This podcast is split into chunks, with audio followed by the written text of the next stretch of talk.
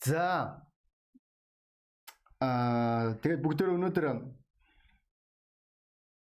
Библийн нээцгээ та бүгд харсан багт юм сургаалт үгс. Сургаалт үгсийн бүгдөө хамтдаа маш сонирхолтой ишлэгийг унших болно. Сургаалт үгсийн 22 дугаар бүлгийн 29 дугаар ишлэл. Мөнгүү Христчил үү гэдэг нэртэй номлол. Энэ номлол та бүгд таалагдана гэдэгт найдаж байна. Тэгээд бүгдөө ишлээ уншицгаая. Сургаалт үгс 22 дугаар бүлгийн 29 дугаар ишлэл. Ажилдаа чадмаг хүнийг чи харсан уу? Хаадын өмнө тэрээр зогсон жирийн хүмүүст эс үлчтнэ гэж хэлж байгаа. Яг үнийг хэлэхэд болохоор энэ номлол маань манай холбооны э, нэг хувьцаанд хөрөнгө оруулалт хийдэг одоо барагцаалах юм бол 10 гаруй жилийн хугацаанд энэ бүсдээр мэрэгжилтэн болцсон байгаа нэг итгэгчийг харах үед энэ бодол өөрөө ирэхгүй энэ ишлэл маань миний оюун бодолд орж ирсэн. Тэр уг нь бол зүгээр нэг сүм итгэгч тэр бизнесмен ойлгомжтой Тэгээд тэрээр холбооны манай одоо яг холбооны тэргүүн пасторд пастор өмнө тэрээр тайлан тавьж зөвлөгөө өгч санхүүгийн бүсдэр янз бүрийн зүйлсүүдийг ярьж байгаа. Тэгээ би бодож ирсэн байгаа. Ажилдаа чадмаг хүнийг чи харсан уу?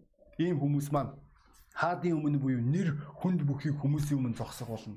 Өөрийн санхүүгийн бүс дээрээ хэрхэн итгэмжтэй, санхүүгийн бүс дээрээ хэрхэн ялалт байгуулж байгаагаа. Энэ нь нууц биш байгаа аханд үсэ Библиэлд санхүүгийн талаар маш олон яригдж байгаа. Бараг заалах юм бол 2500 гаруй санхүүгийн талаар дурддагддаг. Энэ нь юу гэсэн үг вэ? Итгэгч хүмүүс бидний хувьд санхүүгийн бүс дээр ялалт байгуулах, итгэгч хүмүүс бидний хувьд санхүүгийн бүс дээр доктортой байх, нөгөө талаас мөн санхүүгийн эрх чөлөө гэдэг тэр зүйлийг өөрийн итгэлийн амьдрал дээр олж авах туйлын чухал бол. Үүнээс өмнө бүгдөө эхнээс нь түүхээ ярьцгаая.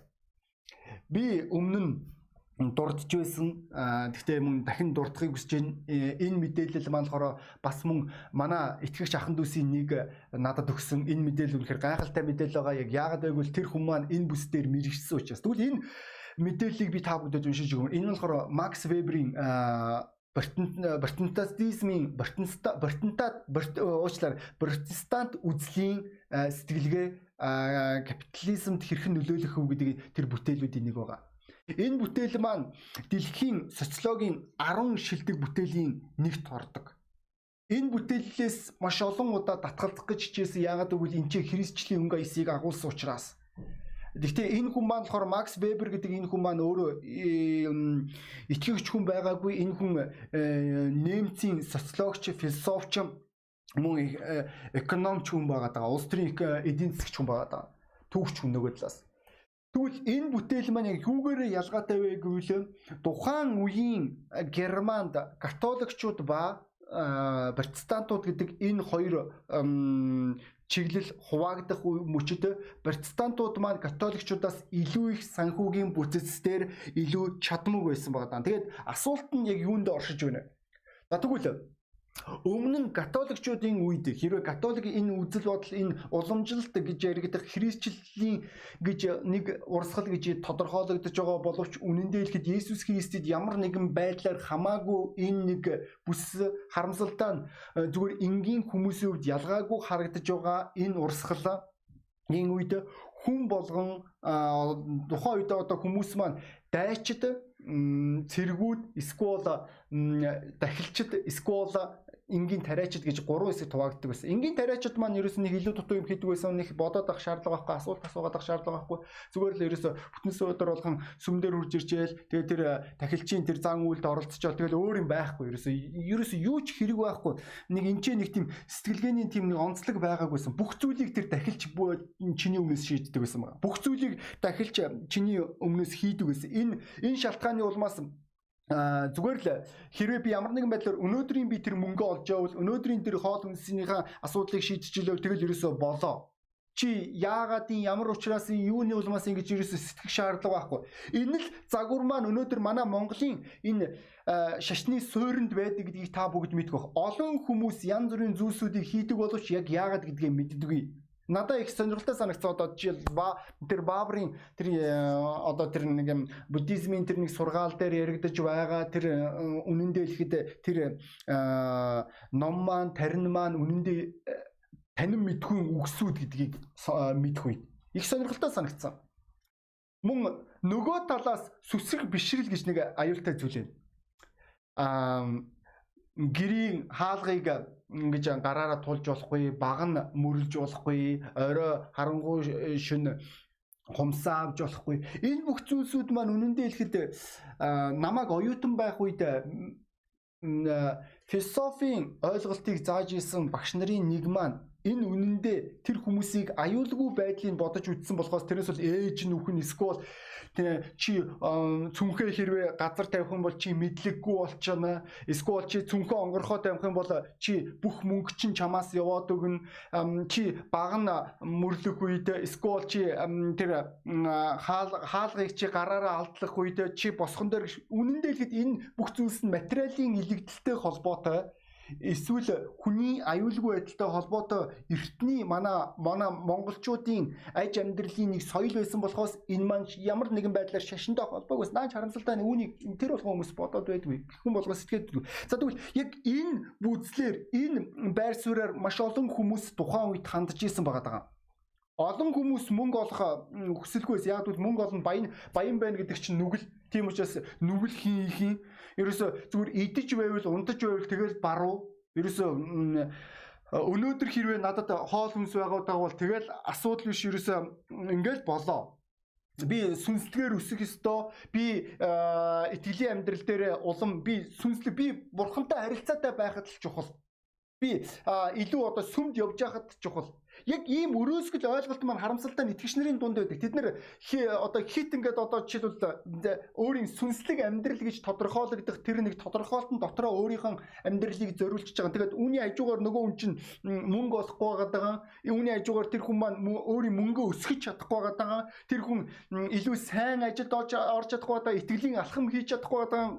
Өчнөө асуудлуудыг Энэ зүйлсүүдэд яг энэ нөгөө тэр католикчуудын эртний тэр 1519 онд байсан тэр нэг сэтгэлгээ маань 1517 онд байсан сэтгэлгээ үндэ хэлэхэд бид нар ч гэсэн байсаар л байгаа. Тэр үеийн тэр судлаач нарын тэр үгээ ялгаагүй байгаа. Өнөөдөр олон итгэгч нар яг л энэ сэтгэлгээр ажиллаж байгаа. Өнөөдөр олон итгэгч нар баяжхаас зайлсхийдэг, эд баялагтай байхаас зайлсхийдэг байгаа. Үүгээр өнөөдөр магадгүй зарим нэгэн хүмүүсийн шунлын талаар ярьж тэгвэл өнөөдөр бүгд шунлын талаар ярьцгаая. Өнөөдөр хүмүүс хөдөлмөрлөхөөс татгалзаж эхэлж байгаа. Яг яагаад вэ? Би зүгээр сүнслэг байхад л хангалттай би сүмдээ явдаг байхадаа би сүмийнхаа сайн мэдээнд оролцсон оролцдог байхадаа би цуглаанаа таслахгүй байхадаа би залбирдаг байхад үгүй энэ бүх зүйл сайн үнэн Тэгээд үүний хажуугаар угаасаа тэртээ тэргүй Библи чинь өөрөө эд баялагын эсрэг үстэй. Үнэхээр яг тийм үү? Библиэлд тийм ээ хит хит ишлүүд байгаа. Би тэгээ тэр ишлүүдийг би нэн тэргүнд та бүхэнд уншиж өгмөр байна. Энэ маань Матай номын 19 дугаар бүлгийн 23 дугаар ишлэлдэр эзэн Есүс Христ тэрээр хэлж байгаа. Тэрээр хэлэхдээ аа 19:23 Есүс шавнартаа үннээр би та нарт хэлье баян хүн Тэнгэрийн хаанчлалд орох нь нэм бэрхэ гэж хэлж байгаа. За нэг За хоёрдугаарт нь болохоор 1-р Тимот 6-р бүлгийн 1-р Тимот 6-р бүлгийн бүгдөө хамтдаа 1-р Тимот 6-р бүлгийн 1-р Тимот 6-р бүлгийн бүгдөө хамтдаа 10-р ишлэгийг алуу анхаарлаа хандуулъя. За энэ ч Библи хэлэхдээ учир нь мөнгөнд дурлах нь хамаг муугийн үндэс мөн шунсан зарим нь итгэлээсээ төрч төмөн зовлонгоор өөрсдөө сүлбэжээ гэж хэлж байгаа. За. За тэгвэл бүгд Матай номын 6 дугаар бүлгийн 24 дугаар эшлэл анхаарлаа хандуулцгаая. Матай номын 6 дугаар бүлгийн 24 дугаар эшлэл. Энд чи Библи хэлэхдээ хинч хоёр эзэнд үйлчилж чадахгүй тэр нёгийг нь үзэн ядаж нөгөөг нь хайрлах болно. Стивээс Э, зурч нэгээс нь зурч нөгөөг нь зэвүүцэн та нар бурхан эд баялагт хоёрт зэрэг үйлчилж чадахгүй гэж хэлж байгаа. Энэ бүх ишлүүд маань үнэндээ итгэгч хүнийг нэг тийм мөнгө олох хэрэггүй ирмэлзэл тэмүүлгүй болгож байгаа мэт. Үнэндээ ихэд энэ бүх зүйл дээр бурхан мөнгөний эсрэг юусоо яриаггүй шүү дээ. Үнэндээ хүний зүрх сэтгэлдээ юу эзлэхв талаар л ярьсан. Мөнгө өөрөө муу зүйл ерөөсөө үнэндээ бол биш Харин харамсалтай нь итгэгч нар маань мөнгөний араас хит шуналтаж эхлэх үед тэд нэр өөрсдийн сүнслэг үн цэнэ алддаг. Энэ аюулын талаар эзэн одоо сэрэмжлүүлж байгаа. Энэ аюулаас болж зарим итгэгч нар маань хит одоо цуглаанда хурж ирэхэ болоод тэр юун одоо тэр мөнгийг нэгдүгээр тавиал ажлыг нэгдүгээр тавиад хит тууширсан энэ үзэл байгаа. Энэ зүйлсүүд маань тэр тухайн хүний итгэлийн амьдралыг сүрүүлгээс гадна өөрийн авралын хулгайлах аюултай байдаг учраас эзэн э, хэлэхдээ та нар хоёр эзэнд үйлчилж чадахгүй. Нэгдүгээрт бид нэр тийм ээ бид нэр бурханд үйлчилдэг. А харин мөнгө гэдэг зүйл маань бидний үндсэн хэрэгсэл байгаа. Та бүгд ойлгох хэрэгтэй болов. Энд чи зүрх сэтгэлийн сэдлийн талаар ярьж байгаа болохоос өөр зүйлийн талаар яриаггүй гэдгийг бид нэр хизээж мартах хэрэггүй болов. Хэрвээ тийм байгаагүй байсан бол хизээч бид нар Библиэлд тэр баян хүмүүсийг харахгүй. Бид нэр энэ баян хүмүүсийн нэг нь яа харахгүй Авраам байгаа. Бүгдээрээ хамтдаа Эхлэл номын 24 дугаар бүлгийг нээцгээ. Эхлэл номын 24 дугаар бүлэг. Та бүгд надтай хамт нээж байгаа гэдэгт найдаж байна. Энэ маань чухал байгаа Библийн ишлийг нээж сурах тийм үү. За, Эхлэл номын 24 дугаар бүлгийн 24 дугаар бүлгийн 24 дөрвөлгийн 35 дугаар шүлэл. Эзэн миний эзнийг ихэд өрөөж түүнийг агуу их болгожээ. Мөн түүнд үхэр хонин сүрэг алт мөнгө зарт шивгчэнгүүд тэмээ илжиг өгсөн юм а гэж хэлж байгаа. Энд чи өөр хүн Авраамийн талаар дурдан хэлэхдээ таны гүнхээр таны бурхан чинь маш гайхалтайгаар өрөөсөн. Та үнэхээр гайхалтай зүйлсүүдтэй болсон. Яг яг тэгвэл таны бурхан чи өрөөгч бурхан учраас.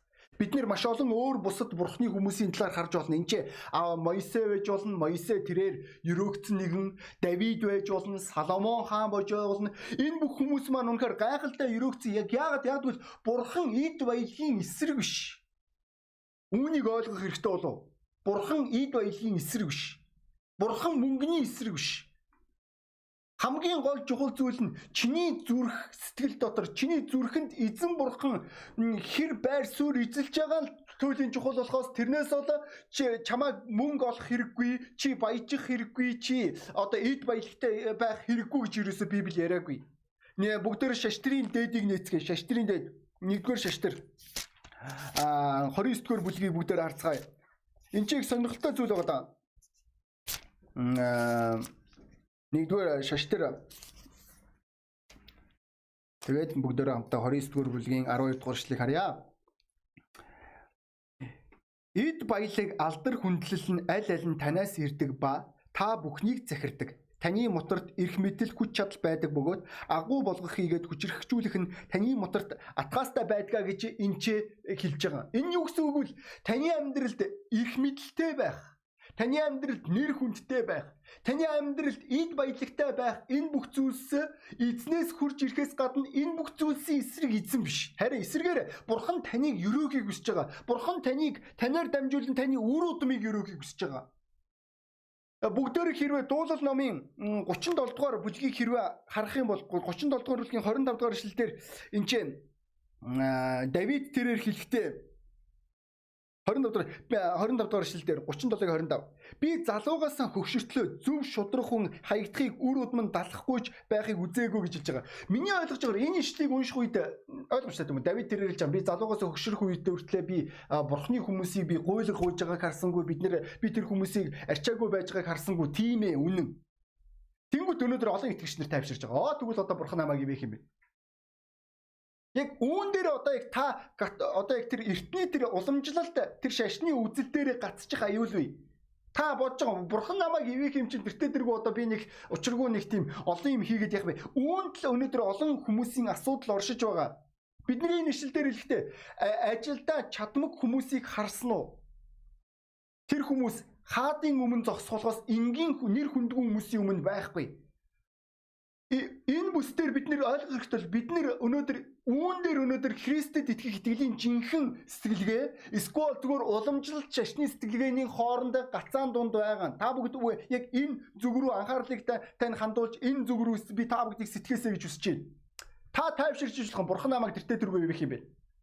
Үгүй магадгүй өнөөдөр чамд өнөөдөр байгаа тэр ёроол Тийм ээ, бурхан чамайг хоосон байхгүй тийм үнэ. Гэтэ энэ юу л чам таалагдж байгаа бол өнөөдөр асуудал биш. Өнөөдөр та энэ номлыг одоо яг энэ мөчөөс эхлээд сонсохгүй байж болно.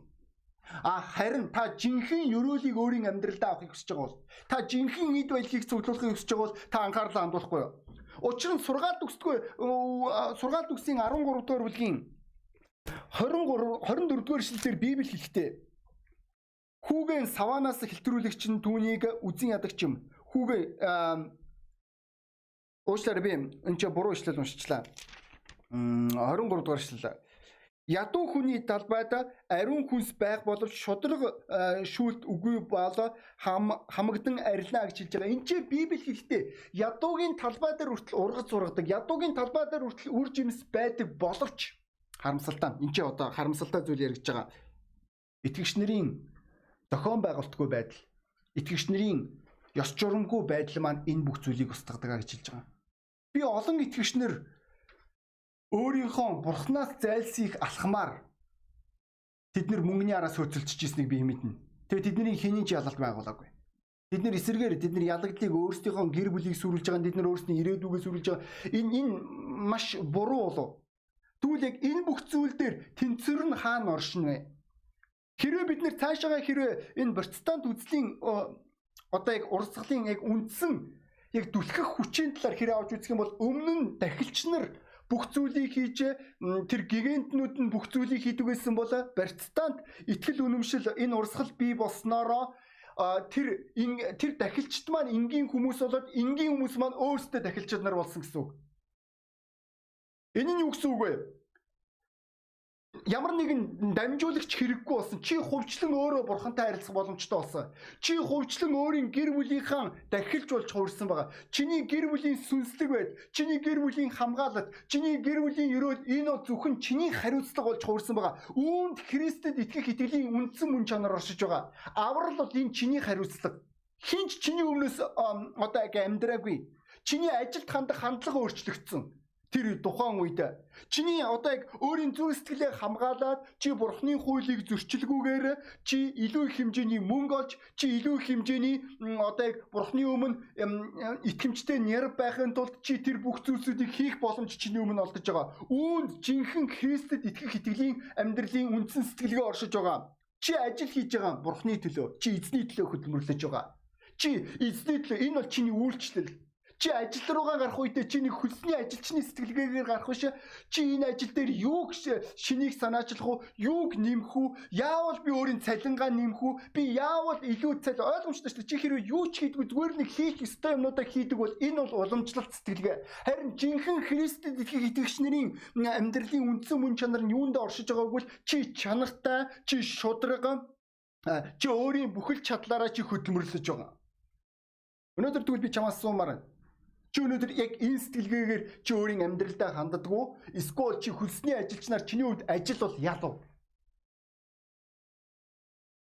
Чи бурханд таалагдахын тулд чи ажиллаж байгаа. Чи бурханд таалагдахын тулд чи бурхны төлөө бүх зүйлийг хийж байгаа учраас чиний итгэл үнэмшил чинь нэг нэг номерт байгаа учраас чи энэ бүх бүсдэр чи мөнгөнд шунлах, шунах шунлаар эсвэл одоо яг ид баялагтай болох тэр шунлаар биш. Чи нин тэргүүнд чи бурхныг нэгдүгээр тавьж байгаа. Чи өөрийн ажил, чи өөрийн гэр бүл, өөрийн бүхэл бүсүүд дээрээ. Тэгээд энэ үед чи өөрийн одоо яг бүхэл бүсүүд дээр чи өсөж эхэлдэг байгаа.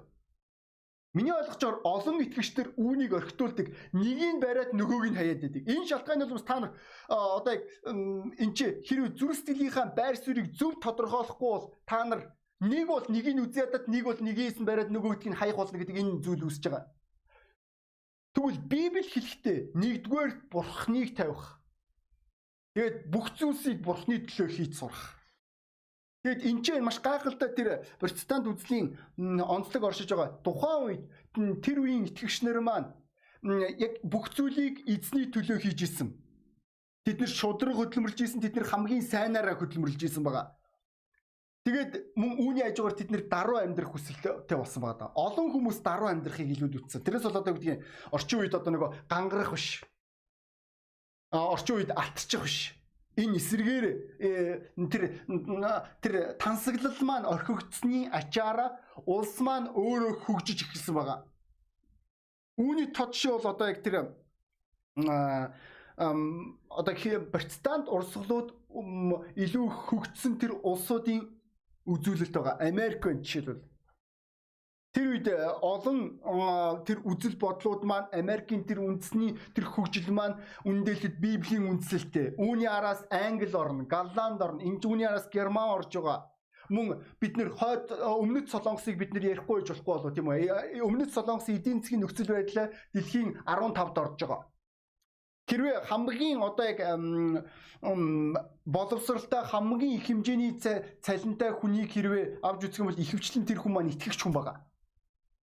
Тэдний одоо яг дундаж цалин 3000 доллар гэж хэлж байгаа.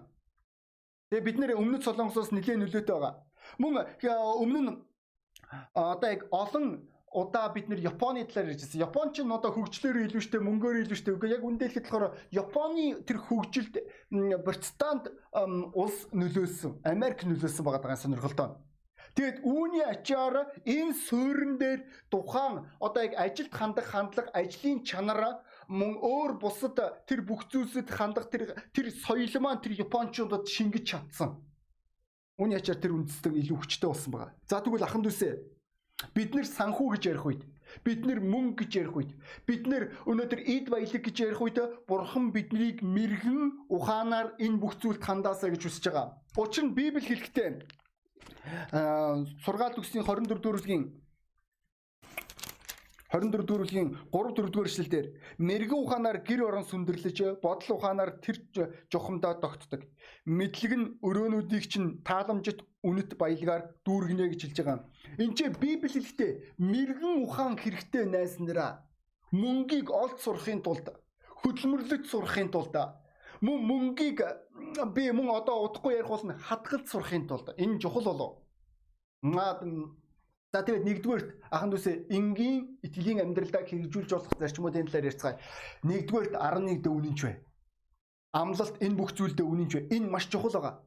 Учир нь Библи хэлэхдээ сургаалт төгсийн 3 дугаар бүлгийн сургаалт төгс 3 дугаар бүлэг аа. Сургаалт төгс 3 дугаар бүлгийн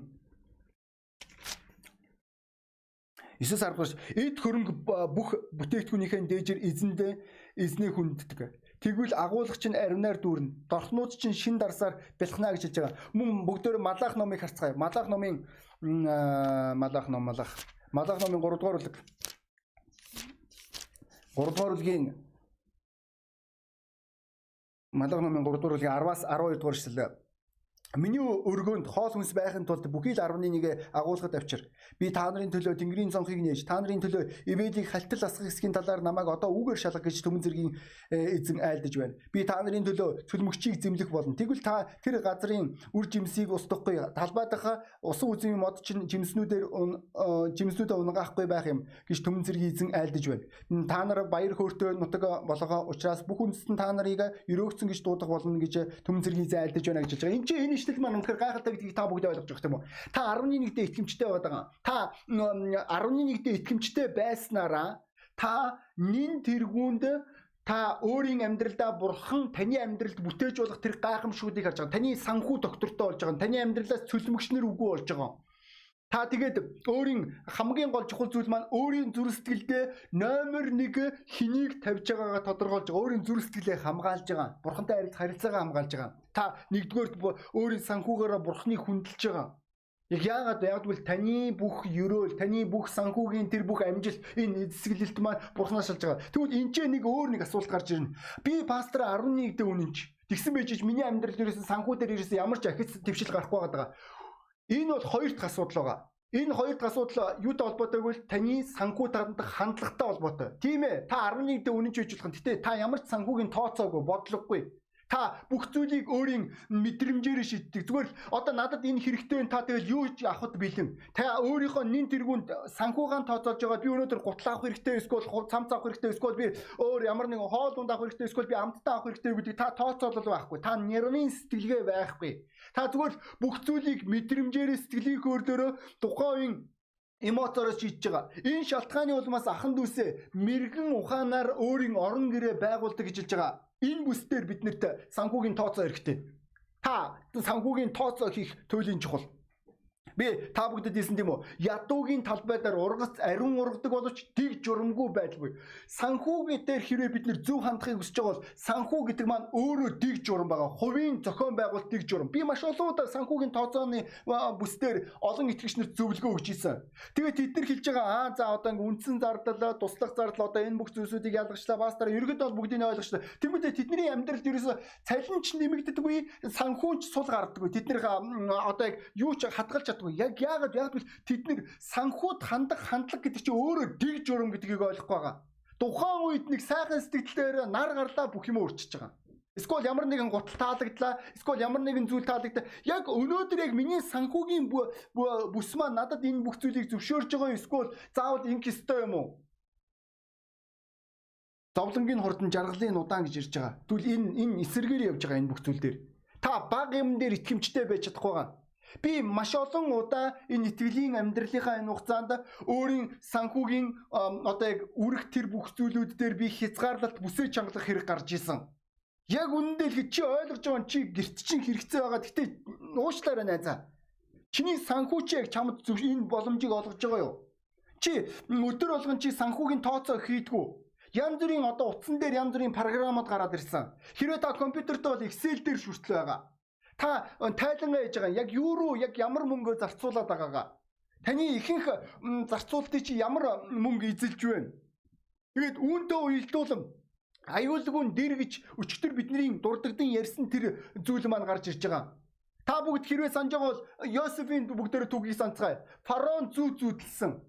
Тэгээд Йосеф тэрээр хэлдэг 7 жил эд баялгаар дүүрэн байх болно харин үүний дараа 7 жил ган гач үрж ирэх болно. Энэ зүйл хүн болгоны амьдралд төрж ирж байгаа. Та одоо энэ коронавирусын үеэр энэ карантины үеэр та ямар ч мөнгөгүй байгаа бол та ойл та ямар ч санхүүгийн тооцоолгүй. Танд нөөцлөөр мөнгө байх ёстой. Танд нөөцлөөр хүнс авах тэр санхүү байх ёстой. Тэгвэл та яагаад одоо хүртэл энэ бүх зүйлийг хийгээгүй юм? Тийм ээ бурхан таныг ерөөхийг хүсэж байгаа. Гэтэ бурхан бодлогогүй санхүүгийн хуваарлалт, бодлогогүй тэр мөнгийг одоо таны амьдрал зөвшөөрөхгүй найз минь. Энэ юу гэсэн үг вэ? Та одоо аюулгүй дэрийг бүрдүүлэхийн тулд та мөнгийг тодорхой нэг хэмжээний мөнгийг 10%-ийг эсвэл 30%-ийг үргэлж та сар болгон далд хийн гэсэн үг.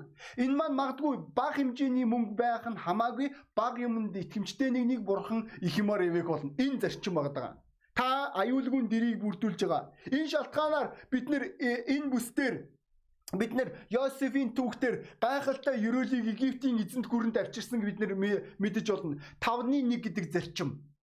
Энэ маань чухал болов. Эцэст нь маш чухал зүйлсүүдийн нэг бол өөрийн мөнгөө хадгалах тийм ээ хадгаламжинд хийх үнэн одоо жишээл та байгаа пастор энэ инфляцийн докторгүй байдлаас болоод хадгаламж гэдэг маань үнэн дээр хэд ашиггүй үгүй тийм биш Та зүгээр хадгаламж хэрэггүй гэж яриад та мөнгө үгүй хийснээс та хадгаламжинд хийгээд байлгаснараа тодорхой нэг хэмжээний мөнгийг та өөртөө авч үлдэж байгаа. Энэ нь яаж исэн ч танд ашигтай. Нөгөө талаас хөрөнгө оруулалт хийх. Хэрвээ та хасах тэмдгээс 0 цэг рүү хүрээд хэрвээ та ямар ч өр ширгүү болж чадсан бол энэ бүс дээр дан бид нэр хөрөнгө оруулалтын талаар янз бүрийн бизнесийн талаар янз бүрийн одоо бүр одоо хувьцаа байж болно эсвэл ямар нэгэн эд хөрөнгө одоо үл хөдлөх хөрөнгө энэ бүх зүйл рүү бид нэр чиглэх боломжтой байдаг байгаа. Үүний зөвхөн дараа Яг яагаад энэ маань өөрөө тэр чигээр бас мөн Библийн зарчим 5 таланттай нэгэнд тэр 5 талант 5 таланттай нэг нь 5 талантыг нэмж олсон. 2 таланттай нэг нь 2 талантыг нэмж олсон. Харин нэг талантаа нөхөр дэрэнд ороо нуусан байгаа нэр тэр юу ч олж авдаг бүр эсэргээр тэр асуудалд орсон байгаа.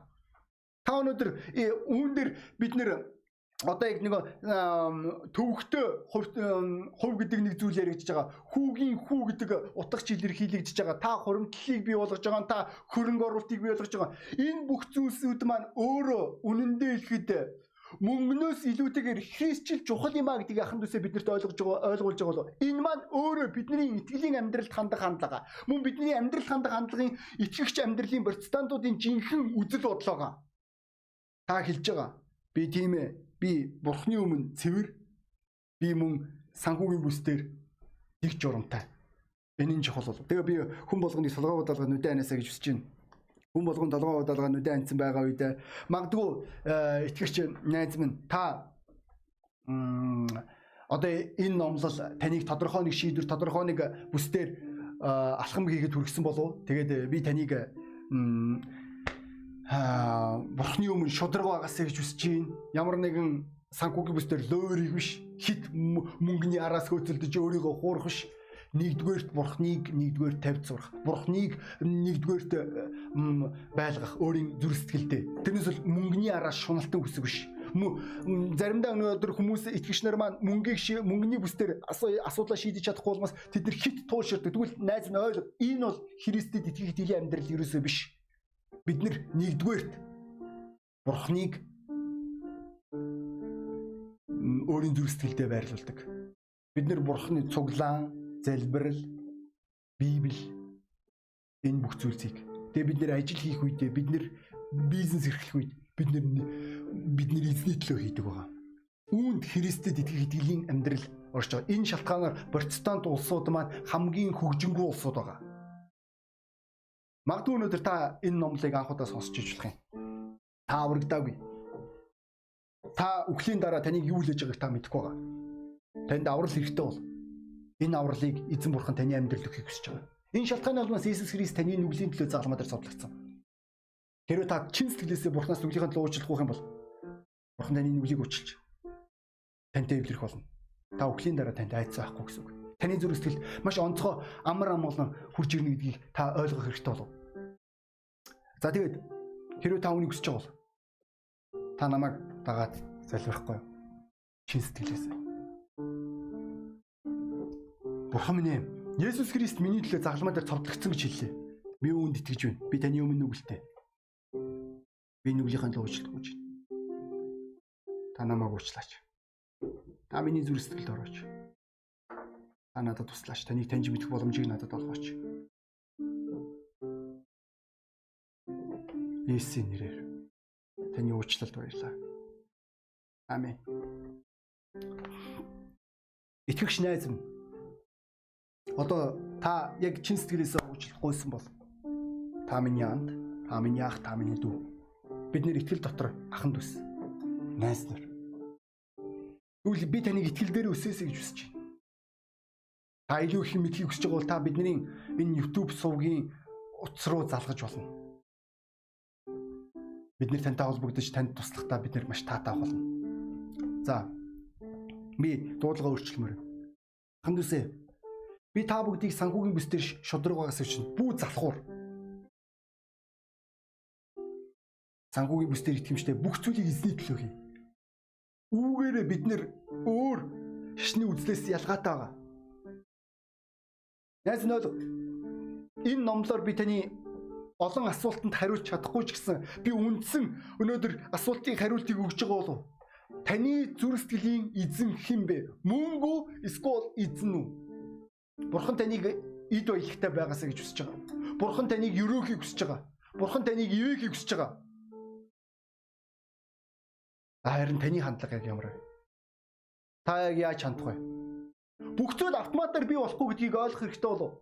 Энэ шалтгааны уламс бид нэр 11 амлалт бид нэр энэ шалтгааны улмаас бид нэр санхүүгийн тооцоо хадгаламж мөн хөрөнгө оруулалт гэдэг зүйл рүү анхаарлаа хандуулдаг.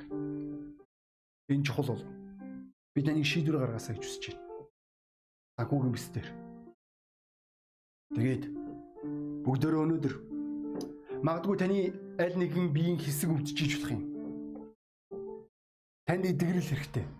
Тэгвэл би таныг өвдөж байгаа тэр газараа магадгүй мөр өж болон магадгүй гар эсвэл хоолоо Эсвэл толгой иж олон та тэр хэсгээр өөрийн гараа байрлуулахгүй. Бүгдөө итгэлийн залбирлаар бүгдөө тэр өвчтөө хүмүүсийн төлөө залбирцгаа яхан төсөө.